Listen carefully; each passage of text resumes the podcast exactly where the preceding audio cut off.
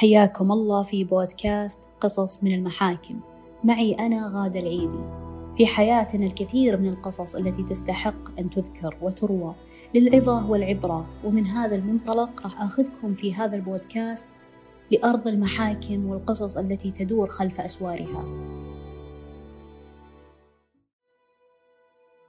في كل موقف وتعامل نخوضه مع الآخرين يكون هناك أخذ وعطاء. إما تاخذ وتعطي شعور أو تاخذ وتعطي مال أو تاخذ وتعطي واجبات ويتخلل هذه التعاملات مشاكل أو عقبات أو تعثرات. وتكون هذه المشاكل والتقلبات والعقبات هي الفاصل في تعاملك مع الطرف الثاني. وبعدها تبدأ تتساءل بينك وبين ذاتك. هل أنا قصرت؟ هل تعاملي كان خاطئ؟ هل أعطيت فوق المطلوب؟ ويجي صوت ضميرك يطبطب عليك بهذه الكلمات. لا تسيء الظن. قل خير ويقولها الله. شيل عنك الأفكار السوداء. أحسن نيتك تجاه فلان. اعذره. لا تدقق. كبر راسك. كلمات ونصائح لا شك أنها مرت على مسامعك يا صديقي. ولأن الأصل في الإنسان حسن النية بتلاقي نفسك لا إرادي مطبقها ومخليها مبدأ في حياتك. عشان كذا قصة قضيتنا اليوم أساسها حسن النية في التعامل. لكن ماذا لو أن بعض تعاملاتنا قد تضعنا خلف القبضان يوما؟ قبل لا أبدأ بقصة قضيتنا أرجع أنوه أن جميع الأسماء المذكورة في هذه القضية لا تمت للواقع بصلة. مشاري عمره أربعين سنة موظف حكومي ومستقر في عمله. عنده هواية بيع وشراء السيارات المستعملة وكانت يعني مصدر دخل ثاني له يترزق الله منها. وكأي شاب مهتم بهذا المجال والسيارات أكيد بتكون له سمعة عند أصدقائه وجماعته. عشان كذا أي أحد من أهله واللي حوله كان مشاري مصدرهم وراس مالهم في السوق. في أحد الأيام مشاري كان يدور في المعارض ويبحث عن سيارة نظيفة وجديدة يشتريها عشان يبيعها. وطاح على سيارة جيب موديل عشرين عشرين.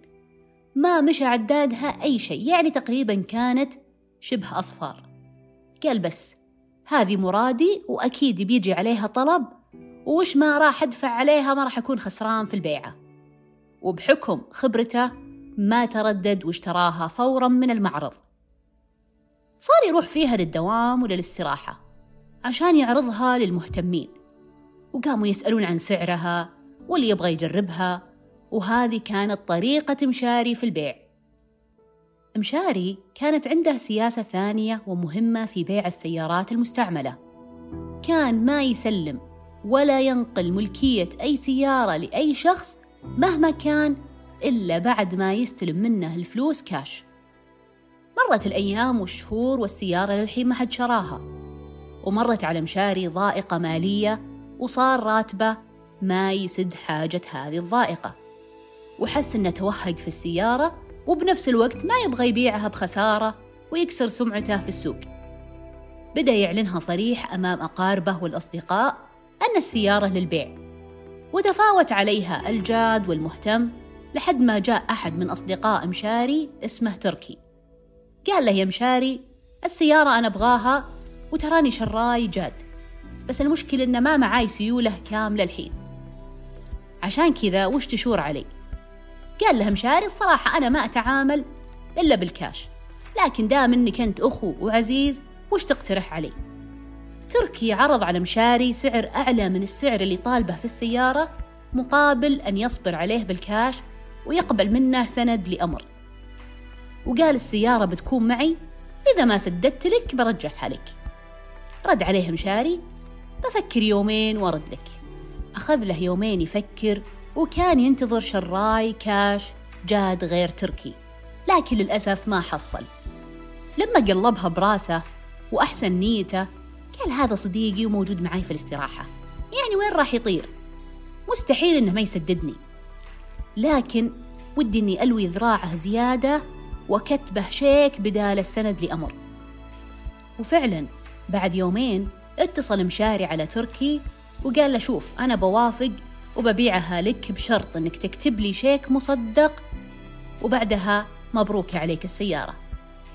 وعندي شرط ثاني أنك ما تتأخر عن السداد شهر زيادة على اتفاقنا يا تركي. قال له تركي طيب وش يثبت لي أنك ما تصرف الشيك قبل الموعد المحدد؟ قال أبد اكتب تاريخ صرف الشيك. بتاريخ محدد يضمن لك مرور شهر كامل وقبل كذا ما يمديني أصرفه. قال له تركي أجل اسمع أبى أكتب لك شيك وبكتب لك بعد معاها سند لأمر عشان تطمن. استانس مشاري وحس إنه لو ذراعه. اتفقوا على هذا الحل وبعد ما صدر لمشاري الشيك والسند لأمر وأعطاه جميع الأوراق التجارية التي يضمن بها الإنسان نفسه أمام القضاء. دخل مشاري الأبشر ونقل ملكية السيارة لتركي وتمت المبايعة إلكترونياً. بعد أسبوعين صاروا مشاري وتركي يتصادفون بالاستراحة كل فترة. ويسأله معك سيولة دفعة أولى أو أي مبلغ يحسسه بالأمان. يرد عليه تركي لا والله بس ما عليك قريب بدبر المبلغ قبل ما يحل تاريخ الشيك. لحد ما جاء يوم وعرف مشاري أن تركي باع السيارة اللي شراها منه مع أنه متفق معاه ما يتصرف فيها إلا لما يحل موعد الشيك والسند ويستلم فلوسه. قام مشاري يتصل عليه ويسأله بما أنه باعها أكيد معاه سيولة الحين دق مرة مرتين ثلاث ما يرد. يرسل له مسجات ما يرد. عطاه فرصة لأيام وما يرد. صار تركي ما يجي للاستراحة. ويسأل عنه أصدقائه ويقولون ما نعرف وما يتواصل معانا. استعان بالله مشاري وعذره. وقال الغايب عذره معه. وبعد مرور شهر وجاء اليوم الموعود لتاريخ صرف الشيك وما صدق مشاري ذاك اليوم إنه يطلع صباح هذا اليوم اللي بيستلم فيه الفلوس. اتجه للبنك لصرف الشيك. وعند صرف الشيك أبلغه موظف البنك إن حساب محرر الشيك بلا رصيد. تفاجأ مشاري من كلام موظف البنك. قال شلون يعني بدون رصيد؟ يعني ما أقدر أخذ فلوسي؟ قال نعم صحيح. لكن اللي حرر لك الشيك ارتكب جريمة يحاسب عليها. طلع مشاري من البنك ويجرجر أذيال الخيبة معه. صدمة من صديقه الذي وثق به وصدمة من جرأته على النظام. وأخذ يتساءل كيف له أن يمتلك ويتصرف بالسيارة بالنصب والاحتيال على صديق مقرب منه. وكيف يأكل أمواله بالباطل. لم يجد أجوبة على تساؤلاته وظل أياما يستوعب ما أصابه ويبحث عن وسيلة لاسترجاع أمواله وكان يجهل النظام. وإذ به في أحد الأيام عزم الذهاب إلى مكتب محاماة ليبحث عن أجوبة لتساؤلاته ويستمد منهم املا باسترجاع حقه. وفي مكتب المحاماة قدم موضوعه كاستشارة. والمحامي يسمع كلامه وانصدم من جرأة تركي. قال الحين صديقك هذا محرر ورقة تجارية بدون رصيد. ترى هذه جريمة عقوبتها تصل للسجن لمدة ثلاث سنوات وغرامة خمسين ألف ريال وتضاعف العقوبة إذا كررها. قال المحامي يمشاري أنت يحق لك تطالب بحقك أمام القضاء وتنفذ ضده عشان تسترجع المبلغ. وأول ما يصدر بحقه القرار بالتنفيذ صدقني إنه راح يكون ملزم بالسداد. سأل مشاري المحامي طيب كيف الطريقة بالضبط؟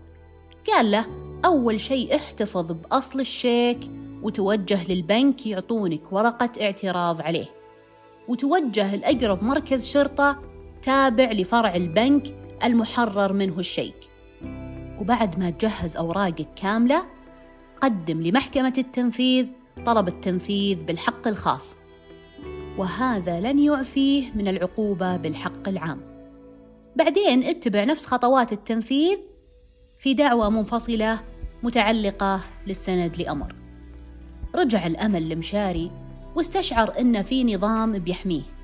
لكن أيضا مرارة الحسرة بداخله ما طفت ويستحيل على أي محامي أو شخص عابر أن يفهم شعوره. لأن النصب تم من صديق مقرب له وفي وقت الحاجة للمادة وتنازل عن شرط الكاش من أجل تلك الصداقة. وأخذ المقابل خذلان وسرقة ولم يترك له مجال للاعتذار أو المهلة.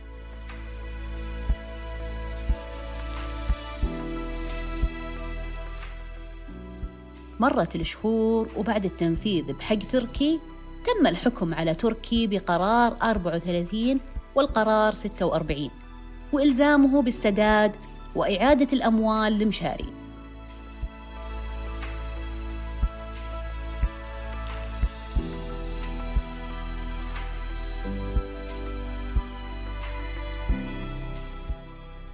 نعم انتهت القضية لأن القصة انتهت. لكنها لم تنتهي بأيام وشهور. سداد تركي للمبلغ أخذ سنوات وسنوات. المبلغ بسيط جدا بعيون مشاري وعيني وعينك لكن الحسرة كبيرة. كل هذا العناء الذي تكبده مشاري كان بسبب الثقة العمياء بتركي. قال هذا صديقي ولازم أحسن النية فيه وقدم له تنازلات حتى لو على حساب نفسي.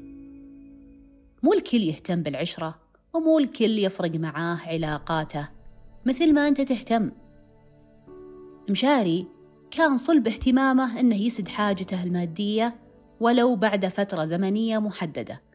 وكان يعتقد أن الشيك والسند لأمر ضمان لحقه وغاب عن باله أنه يشكك أو يستشير المختصين.